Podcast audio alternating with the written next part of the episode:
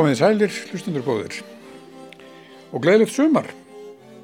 Við Torrið Túlníus höldum áfram að tala um tilfinningar og um, það má kannski segja að sé ekki síður ástæða til á sumri en vetri þó að sjálfsagt sé engin ástíðaskipti í tilfinninga lífi fólks. En hjá okkur í dag er sestur Svein Yngvi Egilson bókmyndafræðingu. Verður velkomin. Takk. Svein Yngvi Egilson er professor í íslenskum bókmyndum síðari alda við Háskóla Íslands. Hann hefur komið víða við á starfsferlinum er, en sérsvið hans eru bókmyndir síðar í tíma, engum og sér í lagi íslenskar bókmyndir 19. aldar. Með að rita hans maður nefna bókina Arfur og umbylting frá 1993 sem fjallar um romantísku skaldin okkar og hvernig þau unnu úr bókmyndaarfið meðalda. Svo kom Náttúra ljóðsins 2014 og sem fjallaði um náttúru sín íslenskar ljóðskalda á 19. og 20. stöld og í fyrra kom út bókin Ísland í Eyjahafinu sem er rannsókn á því hvernig alþjóðlegir menningar ströymar höfðu áhrif á það hvernig hugmyndir um hitt þjóðlega mótuðust hjá íslenskum menningarfrömuðum frá því á 18. öld og fram á þá 20. Sveitn Yngvi hefur skrifað mikinn fjölda fræðilegra greina bæð á íslensku erlendum málum, var riðstjóri skýrnisum skeið og hefur annarst útgáfi á fjölmörgum bókmyndaverkum þar með talið riðsafni Jónasar Hallgrímssonar með þeim Páli Valsinni og Hauki Hannesinni.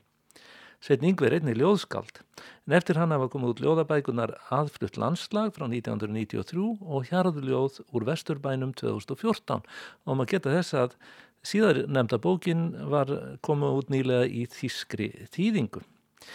Nú, við höfum áður fjalla nokkuð um tengsl bókmenta og tilfinninga í þessari þáttaröð. Sifur Íkarsdóttir frætti okkur um tilfinningar í miðaldabókmentum og Sigurður Girfi Magnússon sað okkur frá því hvernig bókmentir, sérstaklega ljóðulist, hjálpaði alþýðu fólki að tólka og tjá tilfinningar sínar á 19. og öndverður í 20. öld þegar lífskilir þig áttu verið býstna erfið hér á landi. Við ævar ákvæðum tí að fá Svein Yngva til að spjalla við okkur um tilfinningar í bókmyndum 18. og 19. aldar. Velkomin Svein Yngvi. Takk.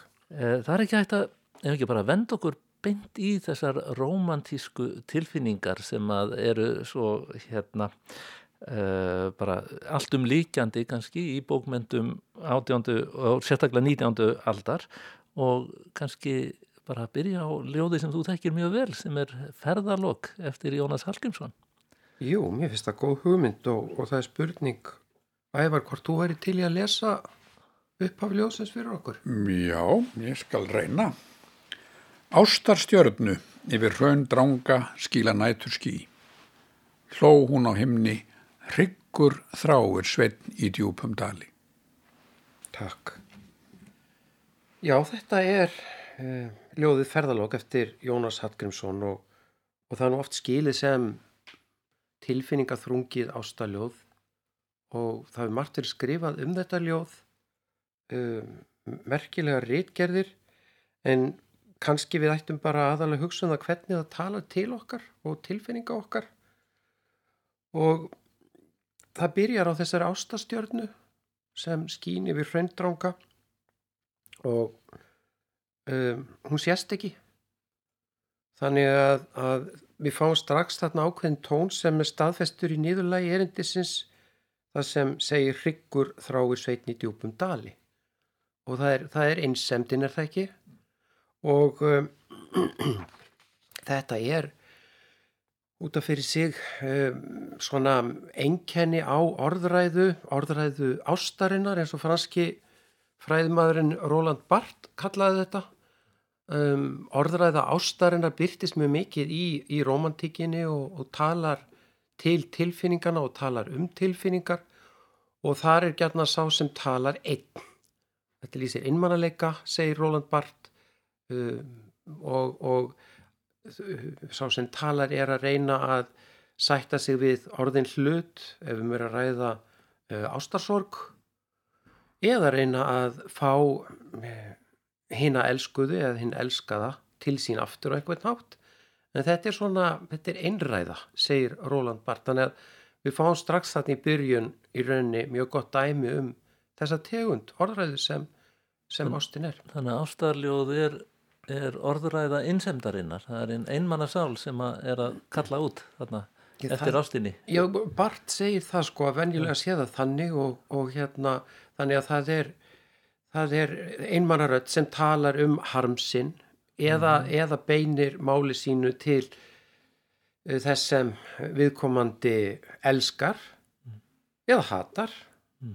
Uh, og, og, og vill þá fá þann hins sama einhvern veginn til að bregðast við. En, en eftir sem áður segir Bart að þetta sé í rauninni einsemdar orðræða, orðræða ástarinnar er það.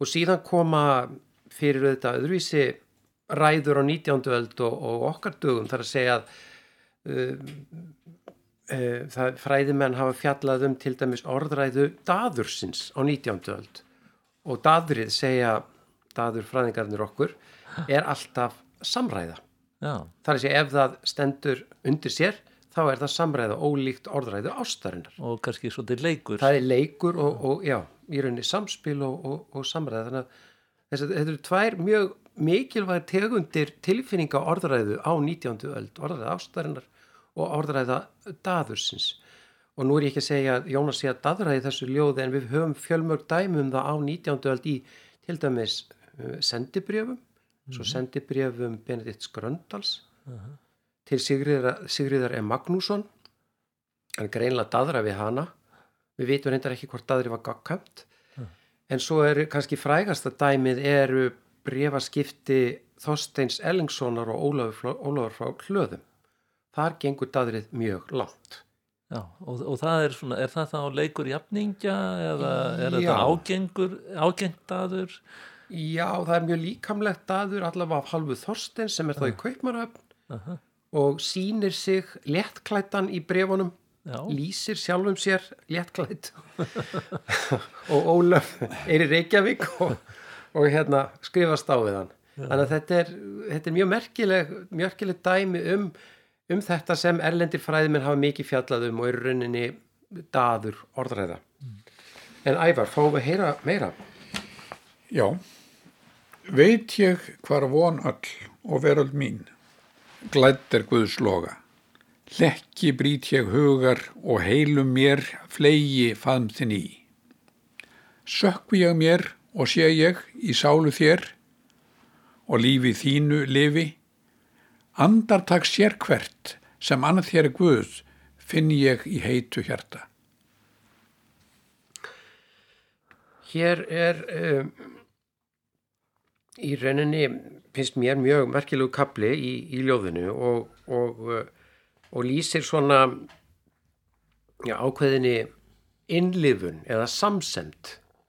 Það er að segja að, að uh, þau eru aðskilin, hann er ekki hjá stúlkunni sem hann elskar, svo sem talar í ljóðinu, en hann lifir sig inn í hana.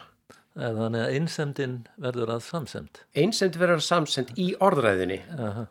Þetta er auðvitað bara í rauninni hans, eh, hans sko, hugsun og, og tilfinning þannig að, þannig að þetta, er, þetta er merkilegt fyrirbæri og þetta kemur eh, fyrir ímsum ástæljóðum 19. aldar John Keats yrkir uh, á svipaðan hátt það er að segja að hann vill nánast renna saman við hina elskuðu og, og, og sko og, og þetta, er, þetta er náttúrulega grundvallar fyrirbæri samsemdin í, í um, tilfinningafræðum og varðar mjög mikið líka svona hlutverk skáldsins á 19. öld, hins romantíska skáld sem reynir að vera opið fyrir umhverfinu, ekki bara fyrir fólki, heldur fyrir, fyrir dýrum og jurtum og, og Jónas Hallgrímsson, hann, hann yrkir þannig um dýr og jurtir að, að, að maður finnur fyrir mikillir samsemd. Mm. Hann ávarpar sóleina sem jafningja, svona kumpanlega, lítið dæmi og, og ávarpar fossin í öðru kvæði sem sé. Dalvísu, verið hefur vel með oss. Þetta er svona þessi, þessi kumpanlega, kumpanlega jafningja tótt. Þannig að hann er svolítið að í raun og veru þetta er skaldið hún tekur heiminn inn í hjarta sitt. Og, uh, og er í samræðu við heiminn. Þannig að þessi einsemd sem við sáum í upphafi hann einhvern veginn verður að ást gagvart heiminum og, og að tilefni til að yrkja um heiminn og mynda samband við hann. Já, um, já, meðan á ljóðinu stendur allavega. Já. en í, í allri einsemdinni þá, þá er hugurinn hjá henni. Og eins og ég segi, öðrum ljóðum Jónasar er, er, er samsemdin með öllu sem anda dregur mjög mikil. Og, og oft er- virðist mér kjarnaatriði í náttúru sín Jónasar. Og við getum náttúrulega bætt því við að þetta er auðvitað grunnhugmynd í um, heimsýn romantíkurinn að, að í rauninni ganga út frá því að náttúran og, og bara allur heimurinn hafi líf með einhverjum hætti, svona líf heildarhyggja eins og það er oft kallað og sé jável uh, náttúran öll sé svona gegnsýrð guðulegum anda. Og hann segir líka þarna í erindinu uh, sem þú varst að lesa, ég var veit ég hvar vonöll og veröld mín glætt er guðs loga þannig að þarna, þarna er, finnum við svolítið fyrir þessari romantísku grunnhugmynd um að að ljós guðs og, og, og, og andi guðs gegnsýri alla tilveruna en ekki síst ímyndunaraflið þannig að ég held að, að þetta sé um leið óður til ímyndunarafsins þegar hann er komin að elskunni sinni í huganum Þannig að ímyndunaraflið brýtur þessa hlekki hugar Já. og gerir honum gleift að fleia sér í faðum hennar. Alveg rétt, hrekki, hrekki brýt ég hugar og, og, og ævar svo kemur endurlit eins og það hittir í kvikmyndafræðunum Týndum við á fjalli, tvö vorum saman, blóm í hári hlýð. Knýtti ég að kerfi og í kjöltu þér, lagði ljúvar gjafir. Hlóðstu mér að höfði hringum ilmandi, bjartara blágrasa, einn af öðrum, og að öllu dáðist og greipst þá aftur af. Já, hér er sem sé endurlit og, og dreyin upp mynd af uh, samdrætti þeirra. Þau hafa einhvern tíman uh, ferða saman. Skaldið og stúlkan. skáldið og stúlkan eftir ljóðan að dæma og nú ætla ég ekki að fara að blanda mér í, í umfjöllun fræðimanna um um uh, hérna um uh, svona einhverja raunverulegar uh, ástir á bakvið þetta. Ég held þetta bara að hugsa hugsa um ljóði sem, sem skáldskap allavega núna og, og þarna fáum við mjög merkilega myndir þar að segja að þau týna saman blóm. Og orðræði ástarinnar á 19. öld og, og svona tilfinningalegu skáldskapur er í sjálfu sér fullur af stöðluðum ímyndum. Og, og, og skáld uh, eins og Jónas vinnur mjög mikið með þekktar uh, venjur í, í bókmyndum, gömlum og nýjum. Og, og, og blómatýnsla er þetta alveg mjög, hún er mjög tilfinningaþrungin í, í bókmyndunum og hérna En það eru búið að sko, skaldin hafa verið að týna blóm með unnustum sínum sko, í margar kynnslóður, jafnvel aldir áður en kemur að Jónasi, þannig að, já, en hefur hann ekki eitthvað hæfileika til að gera klísjurnar nýjar aftur? Að gæða þær einhverjum svona, jú glæða þær guðsloga? Jú, mér finnst það og mér finnst hann, hann, hann gerir þessa myndir nákomnar og, og, og svona einhvern veginn við erum, erum stödd þarna. Það er það, það hann, hann gerir þetta lifandi. Og, og, og í rauninni sakleysislegt. Þetta er sakleysislegu leikur og hún, hún hnýtir honum kerfi, nei hann hnýtir kerfi segi ég og, og hún uh, hleður uh, hringum ilmandi bjartra blágrasa af honum og greipur það aftur af. Og þarna er þetta er svona þessi tilfinning sko augnabliksins að hún, hún hrifsaði aftur til sín, tekur aftur til sín og þarna er ákveðin hvörf held ég í ljóðinu, það er að segja að, að uh, við fengum þennan tón, dabulega tón í, í byrjun. Aha, Kringum Einsemdin. einsemdin. Og við vitum af henni allan tíma Nú erum við komin út í daðrið, er það ekki? Jú, ég held Er það þetta ekki svolítið daðursleg augnablík? Þannig að hann er að, hún er hliður þessum ringum ilmandi bjartra blákrasa höfði hans og dá, dáist að því og grípur það svo aftur af. Er þetta ekki einhver svona í augnablíkinu, Leikur. einhvers konar daðurs, da, einhvers konar daður þarna á ferðinni? Uh, já, jú, en, en samkvæmt skilgrinningu þá gengur þetta ekki upp sem daður, almennlegt daður vegna það þarf að vera samræða. Já, ok. Hún þarf að taka þátt í þessu, en í ljóðinu lætur hann að taka þátt í þessu, þannig að vissulega er þetta daður, daðurlegar myndir þarna. Mm. Ævar, viltu kannski lefa okkur að heyra meira? Hlóum við á heiði, híminn glaðnaði, fagur á fjallabrún, Alls indi þótti mér ekki vera utan voru lífi lifa. Grétu þá í lautu, góðir blómálvar, skilnað okkar skildu. Dögg það við hugðum og dropa kalda, kistum úr krossgrassi. Um, já, það er ákveðin kvörf í, í ljóðinu þarna. Hann á sér draum um að elska hana ævilánt. Mm -hmm. eh, og eh, Já, það er þessar línur hérna, alls indi þótti mér ekki vera utan voru lífi lifa. já, þetta eru reyndar, þetta er svona, þetta eru eddulínur, Jarls indi segir í eddukvæðum. Já. en, en Jónas sem var mjög hrifin af eddukvæðum eins og fleiri romantísk Er, er þetta ekki orð undir Þetta er náttúrulega orð undir ljóðahætti. Þannig að þetta er mjög eddulegt í sjálfu sér sko.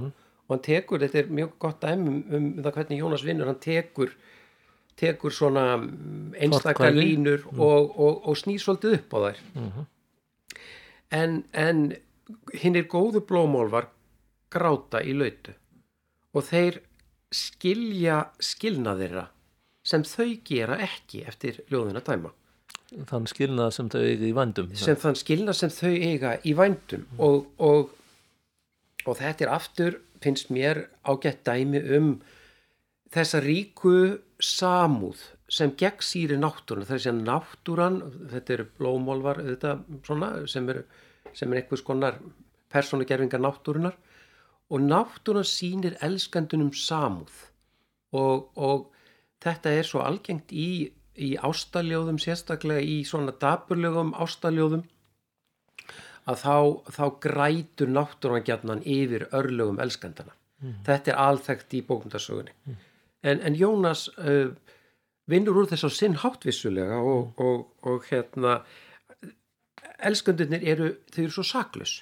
Dögg það við hugðum og dropa kalda kistum úr krossgrassi.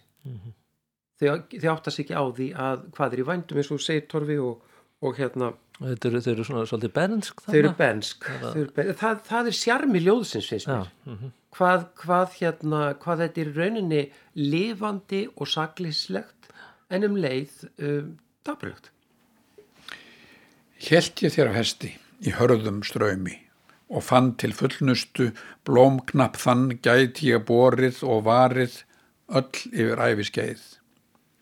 Gritti ég þér lokka við galtar á, vel og vandlega. Brosa blómvarir, blika sjónstjörnur, roðunar heitur hlýr.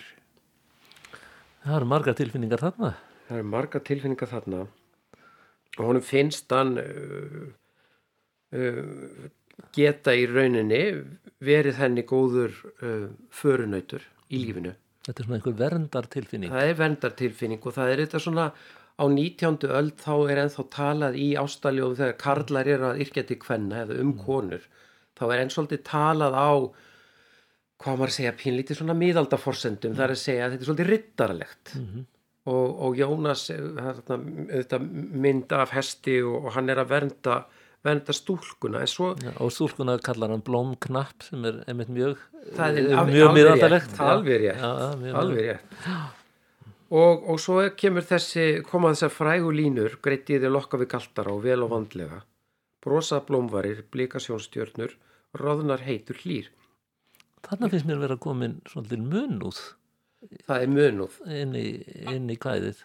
alveg sammála og, og sko Jónas gerir þetta í fleiri kvæðum og auðvitað er þetta alþekkt í bókmyndasögunni að líkama hinnar elsku, elskuðu er líst og, og líkams hlutum sem eru oft taldir upp. Label heitir eitt uh, kvæði eftir Jónas það sem hann og það er gömul hefð fyrir því uh, í bókmyndunum að telja upp kosti hinnar elskuðu henni líst útlitslega og líka um, samkvæmt alls konar fegurar viðmiðunum uh, og, og líka auðvitað uh, andlegum um, kostum hennar. Uh, brosa blómvarir, blika sjónstjörnur roðunar heitur hlýr, þetta þykja mér merkilega línur. Og uh, blómvarir þarna rennu náttúrun og stúlkanskessu svolítið saman. Og þetta er bara svona hlutur af heild. þetta er hlutur af heild. Þetta eru varirnar bara einar og sér. ég veit það, já og, og blika sjónstjörnur, það er hérna augnatillitið sem er mjög mikilvægt í ástarorræðinni og tilfinninga orræðu. Róðunar heitur hlýr. Og þannig er munuðin er ekki. Jú, og, og uh, uh, talandi um miðaldir, uh, hetjur Íslendingarsagna skipta litum þegar þeir verða til dæmis reyðar. Já. Á 19. öld þá skiptir fólk litum en það er á öðrum forsendum. Það er ekki að fara að drepa neitt. Það roðnar. Roðnar heitur hlýr, vangi stúlkunar roðnar. Og, og sko þetta er, þetta er þetta aftur svona spurningum kynja hlutverk á 19. öld sem eru daldið önnur en við, þekkjum okkar dögum og, og stúlkur eiga að vera feimnar og það er eiga að roðna og skáldin eiga yrkja um það. Hvað, Og, hvað og, þessi, já, og róðin, í, kynróðin er bervottum að einhvers konar já, tilfinningar sem er að er eh, hérna stúlkunar. algjörlega.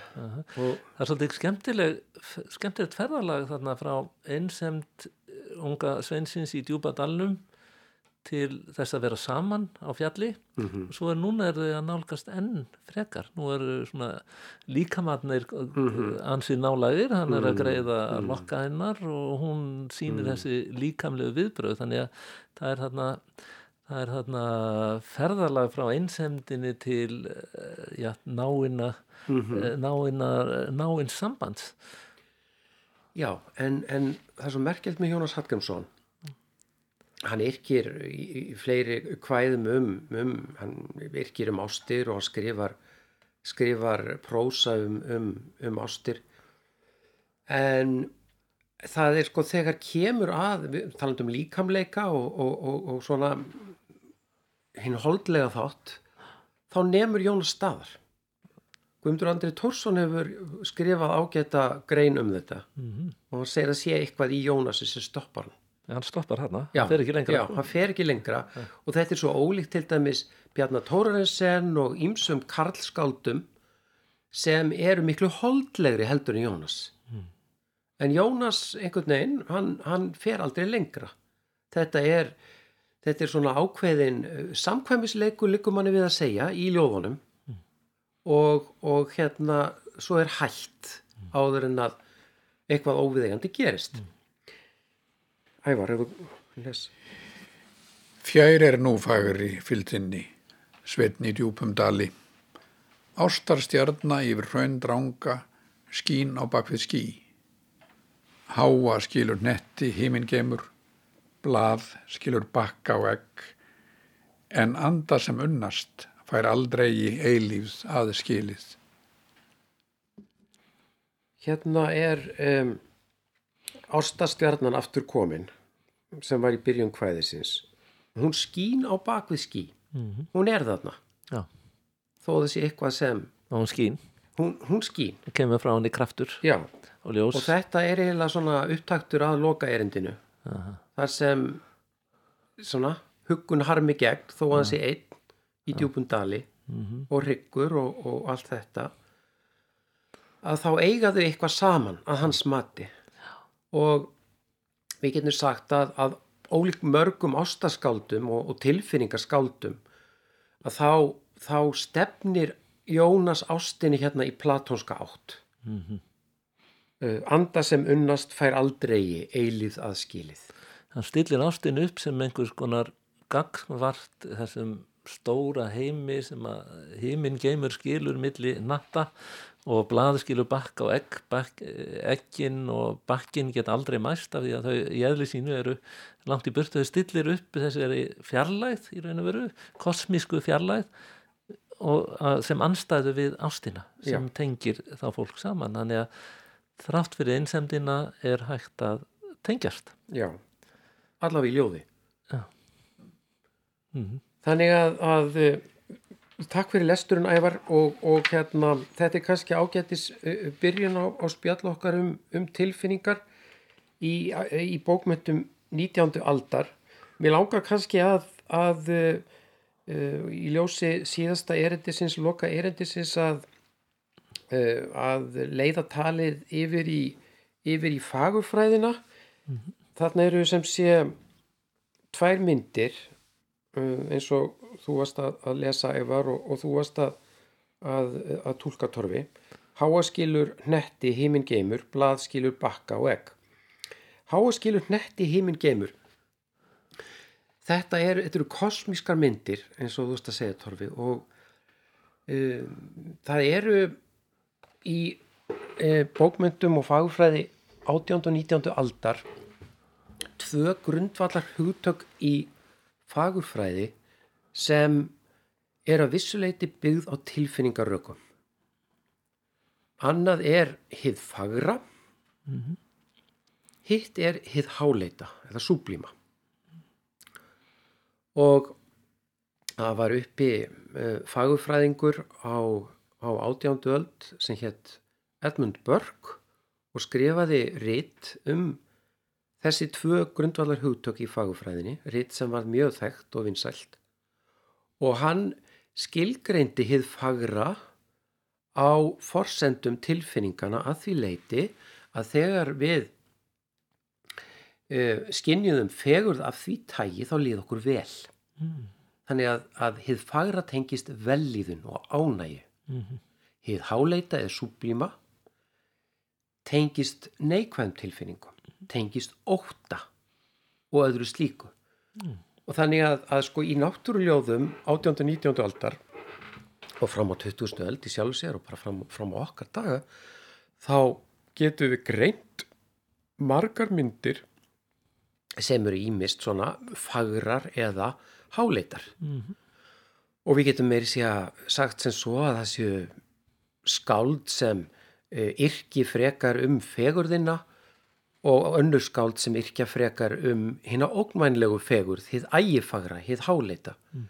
Þann, já, ægi fagra og það ber í sér einmitt að það er eitthvað ægilegt við það, þetta. það er eitthvað ægilegt við þetta. Já, já, og það sem Jónas segir þarna í niðurlæginu um nettina þetta er í sjálfu sér háleit orðræða. Einmitt. óra vittir himmingemsins og er ekki einmitt að, að þetta súblíma byrtist í hérna í romantísku hérna, stefnunni að það er þessi áhjá háum fjöllum og tindum og stórum bylg, ógnarbilgjum og þess aftar. Mm. Er ekki hraundrangin þá sjálfur sem við sjáum fyrir okkur öll og sem ákvæmlega svona ekkvart og jú, ægilegt fyrirbæri. Er það ekki svona dæmið með súblíma sem að býr undir þessu ljóði eða er hluti af ljóðinu? Jú, jú, algjörlega.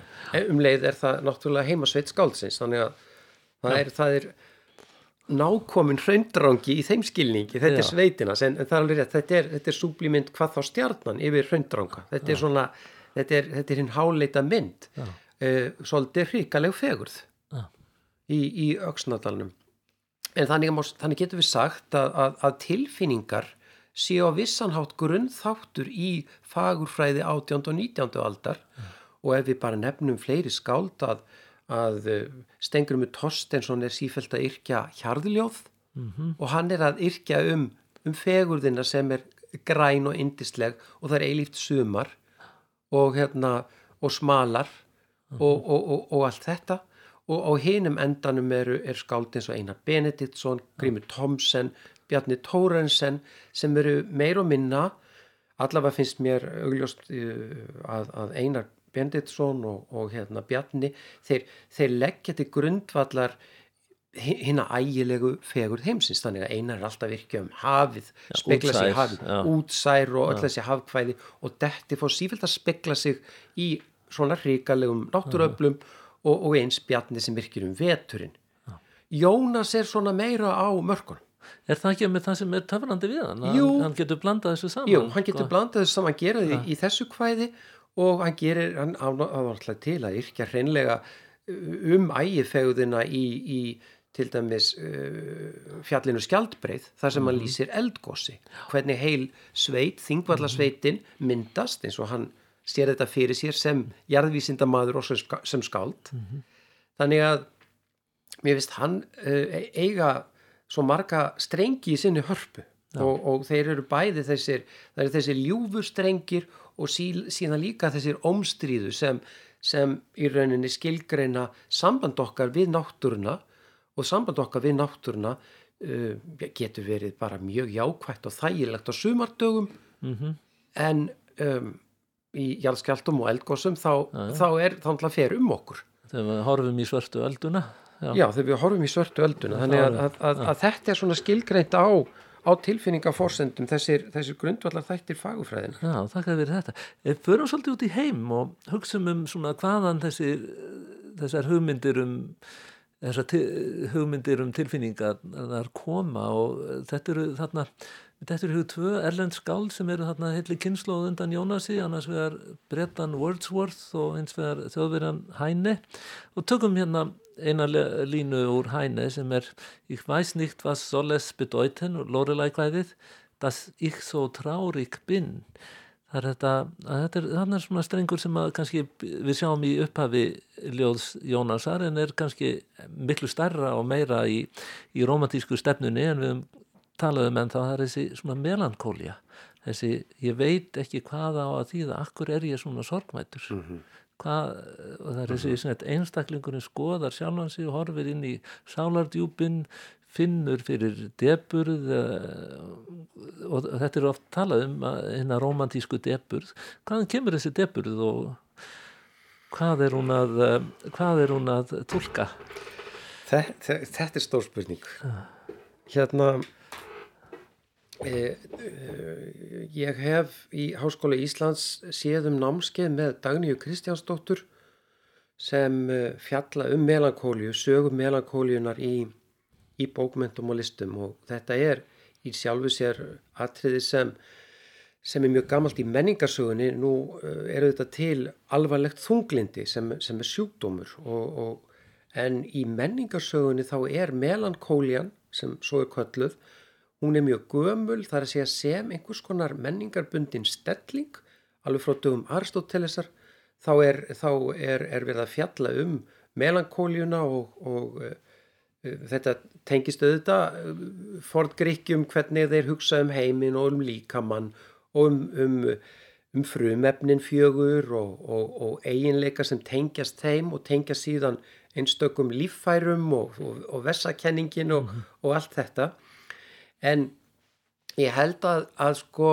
það sé ein hlið á þessu sem er bara ég maður sé strax hjá Aristotelesi og alveg fram til okkar daga og hún er einfallega þessi að auðvitað líður okkur öllum stundum þannig að við erum döpur og við höfum oft ærna ástöðu til þess.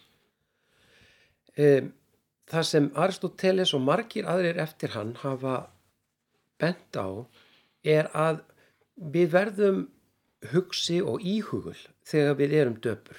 Við hverjum svolítið inn í okkur og þannig er þetta að vissuleiti svona sem tilfinning og sem andlegt ástand tengist þetta, segir Aristoteles og fleiri, listsköpun og heimsbyggi mm. og, og, og það, það, það í rauninni þetta heldur áfram framöttir öldum, það er ímsinn miðaldahöfundar sem fjalla um deburð, um, um, um, um melankóliu og, og, og þegar komið fram á árnýjöld þá eru höfundar eins og uh, Martin Luther sem mm. skrifar um melankóljuna og margir aðrir.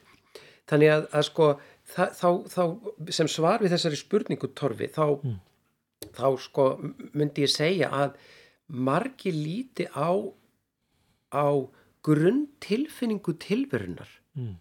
sem dabra tilfinningu og þetta getur tengst hugmyndafræði eins og humdafræði kristninar þar að sé að við búum í föllinum heimi og það er engin ástæði til þess að gleðjast yfir öðru en því að einn góður maður skildi gefa lífsitt fyrir okkur hinn. Mm. Þannig að, að sko í, í lúterskri heimsmynd þá erum við, við búum í föllinum heimi og við eigum vonum sáluhjálp þannig að þetta ástand okkar verður kannski svolítið svona sveiplukent, mani og depressíft. Við sveiplumst á milli um, svart síni og, og melankóli yfir stöðu heimsins mm. en við eigum vonum sálhjálp. En, en samt sem að þetta náttúrulega rætur langt aftur en það er ákveðin sérstaða þegar að líður á upplýsingaöld þegar komið fram yfir miðja átjándaöld þá kemur þetta upp á svolítið nýjan hátt. Þetta er eh, ungi einstaklingurinn er haldinn melankóliu og það verða til svona bókmyndalegar fyrirmyndir mm. um, e, hérna Göte náttúrulega skrifur um mm. þetta í raunum Vertes unga og einhverjum ástæðum grýpur þetta um sig í samfélaginu þetta kannski tengist einhverjum félagssögulegum þáttum eins og bara lestur orðin miklu eh, hérna, meiri, það koma fram höfundar eh, eh, prentlistin hefur, hefur vaksið fiskur um sig, það er komin bóksalar og svona, það er komin bókamarkaður mm.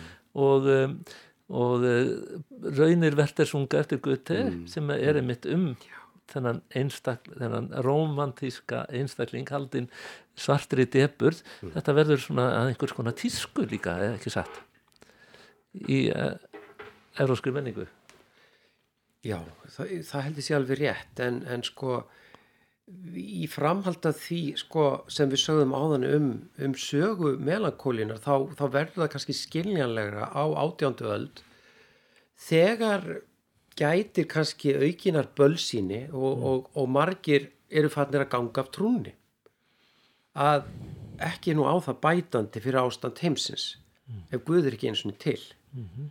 þannig að, að þetta er jú held ég einhverju leiti tíska og, og ungir karlar virðast sérstaklega mikið setja sig í þessar stellingar eins og verter og síðan kemur þetta bærun lávarður og þá slær þetta í gegn mm. þá kemst í tísku að vera í rauninni lífsleiður, dabur, ég hef farið um allt, ég hef gert allt og mér leiðist. Og, og ég held að við sko, ef við bara spól, hraðspólum áfram til okkar daga. Vundur kannski að rifja upp fyrir hlustendum okkar, hvernig er þessi saga verðið sunga? Þetta er, þetta er saga um ostasorg, er það ekki? Jú, og, og endar á verstahátt sem mögulegt er. Með sjálfsmorði, ekki satt? Já og þetta er ástarsaga og þetta er, þetta er saga hérna í rauninni sem 19. aldar höfundar spekla sig í um, það er að segja höfundar eins og Gísli Brynjólfsson sem við hefum ekki nefnt áður Já. Að hann og uh, stúl, hann er svona 20 árum yngri en Jónas hann, hann, hann er ungur maður um miðja öldina hann er, hann er um tvítugt þarna 1848 og hann vísar endalust í í verter henn unga og ástir hérna þeirra og, og hann er ástfangin af ungri stúlku sem heitir Ástriður og, og hann setust þau í þessi, þessa, þessa stellingar elskandana í, í sögu göti. Mm -hmm. Þannig að saga göti um, um, um, um ástarraunir sem enda á versta veg. Mm -hmm. Þetta verður svona að, að tólkunarramma fyrir ungt fólk á, á 19. öld en það sem ég langaði til að bæta við varðandi deburðina, ég held sko að við getum tala um þetta sem tísku en, en þetta er tilfinning sem við þekkjum bara mjög vel á okkar dögum meina, við ölluð sjálfsögðu mm. en við þekkjum þetta líka í listinni mm.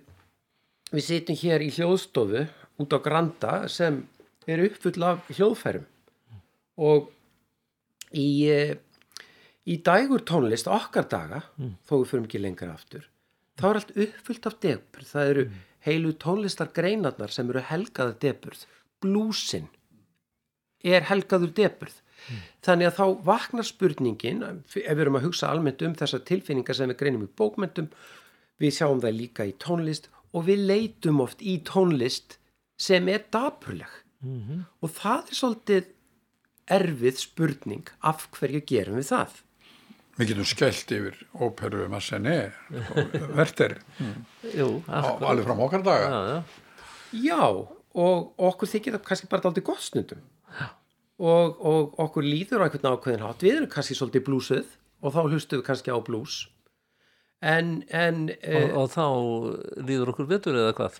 Já, eða líður okkur kannski bara enn vel? Það, Nei, það er nefnilega spurningin. Þess að svo er þetta svara þessari spurningu varðandi deburðina í menningarsögunni. Já. Að það, það sækja margir í list sem er í dabulur í kantinum mm -hmm. og það eru margar, mörg svör auðvitað við þeirri spurningu af hverju það sé. Og, og einu svo að, að þetta einhvern veginn endurspeglar grunnstemningu okkar þá stundina önnur er, er svo að við, við viljum einhvern veginn að þessu ró okkur niður mm -hmm. og, og svo framvegs En er þetta ekki bara, er þetta ekki komin þarna með hlutverk lista og bókmynda? að hræra í tilfinningaskalanum og að skrúa upp og niður e, kveikinn Jú, og, og, og þetta er sko kannski, það er kannski ástæðið einmitt til þess að, að víkja núna aftur á romantikinni í, í framhald af því sem þú ert að segja eða sko, að það er að segja að e, hvað er skáldskapur? Þetta ljóðið til Jónas Hallgrímsson sem við vorum að lesa og, og spá í. Sko, við getum litið á þetta sem tjáningu, tilfinningatjáningu, einstaklingsins sem talar, sem er á bakviljóðið. Mm. Þá væntalega skáldsins. Síðan getum við uh, hugsað um þetta bara út frá viðtökum. Hvernig, hvernig skinnjum við þetta sem lesendur? Hvaða tilfinningu fáum við sem lesendur? Mm -hmm. Og þetta er hérna í, uh, í svona, já, kannski staðalmynd romantíkurinn í, romantíkurinn í hugum margar þá, þá er romantíkin svona þessi tjáningastefna, mm. þessi tilfinningaþrungna stefna. Og uh, Jónas Hallgrímsson, hann... Uh, hann fellur ákvæmlega illa að þeirri ímynd Já M mjög mörg hvæði Jónasar eru orrt eftir pöntun. Mm -hmm. ég er ekki að segja ferðalóks í það en mjög mörg ljóð Jónasar eru tækifæriskvæði eða kvæði sem vinina sögðu kom, kom til Jónas og sagði jæja Jónas minn, viltu nú ekki yrkja kvæði fyrir okkur, við erum hérna með veistlu á fymtudaginn og við ætlum að syngja hérna. Svo vinsalt lag, okkur vant að texta við læð þannig að það er, það er sko kannski er Jónas ekki heimsins besta dæmi um þetta meinta romantíska skáld sem er fullt af innri þörf til að tjá sig. Já. Við getum alveg fundið slík skáld á 19. öld og, og það eru til dæmis, uh, já, það eru skáld eins og Mattias Jokkumsson sem yrkir hafís hvæði sitt, likum ég við að segja í reyðikasti og, og það eru skáld eins og Benedikt Gröndal sem yrkir svona sem, sem er svona uppfullir af alls konar geðshræringum. Og verðist svona yrkja af innri þörf og, og þetta eru ímis kvennskáld á 19. öld sem, sem yrkja sína blúsa uh -huh. Júlíana Jónsdóttir og Guðni frá Klömbrum uh mhm. -huh. það er yrkja svona blúsu hvæðu og Helga Kress hefur við bent á það að þetta séu tregróf, þetta séu harmatölur eins og við þekkjum úr eddukvæðunum mm -hmm. Guðrún Gjúkadóttir og Brynildur Buðladóttir það er, það, það er þessar sterku konur sem er að rekja raunir sínar mm -hmm. og tjá harma sína og, og, og, og þannig að sko auðvitað er margt í þessum skáldskap sem lýsir heitum tilfinningum, djúpum mm -hmm. tilfinningum sárum tilfinningum en, en í framhaldi sem þú varst að segja ævar að við getum líka sko hugsað um skáldskapin uh, út frá svona útrásarhugtæki Aristoteles, katharsis mm. hreinsun, einhvers konar hreinsun. Það er hreinsum sálinna hún verður ný eða svona losa sig við innri spennuna og getur tekið betur við heiminum. Já, ég menna á öðrum endanum er þá skáldið og við þekkjum dæmi þess alveg frá fordbókmyndum Egil Skallagrimsson, Irki Sónatorreg um, uh, að beðinni dóttur sinnar, mm -hmm. Þorgerðar og það er þá einhver, einhver svona listmeðferð hans mm -hmm. við mhm. hugsaum um, um skálskapin sem, sem tjáningu mm -hmm. og, og að skrifa sig frá einhverju er nú einn ein klísjan sem við erum alveg uppið eða ekki að það sé að skrifa sig frá einhverju með, fá útrás fyrir mm -hmm. eitthvað með því að skrifa um það en á hinum endanum er þetta eh, í rauninni viðtakandin og, og eins og Aristoteles segir við, við mm. í rauninni þegar við horfum á harmleika þegar við lesum ljóð þess vegna mm. þá lefum við okkur inn í hugarástandið og, og fáum þannig útrás.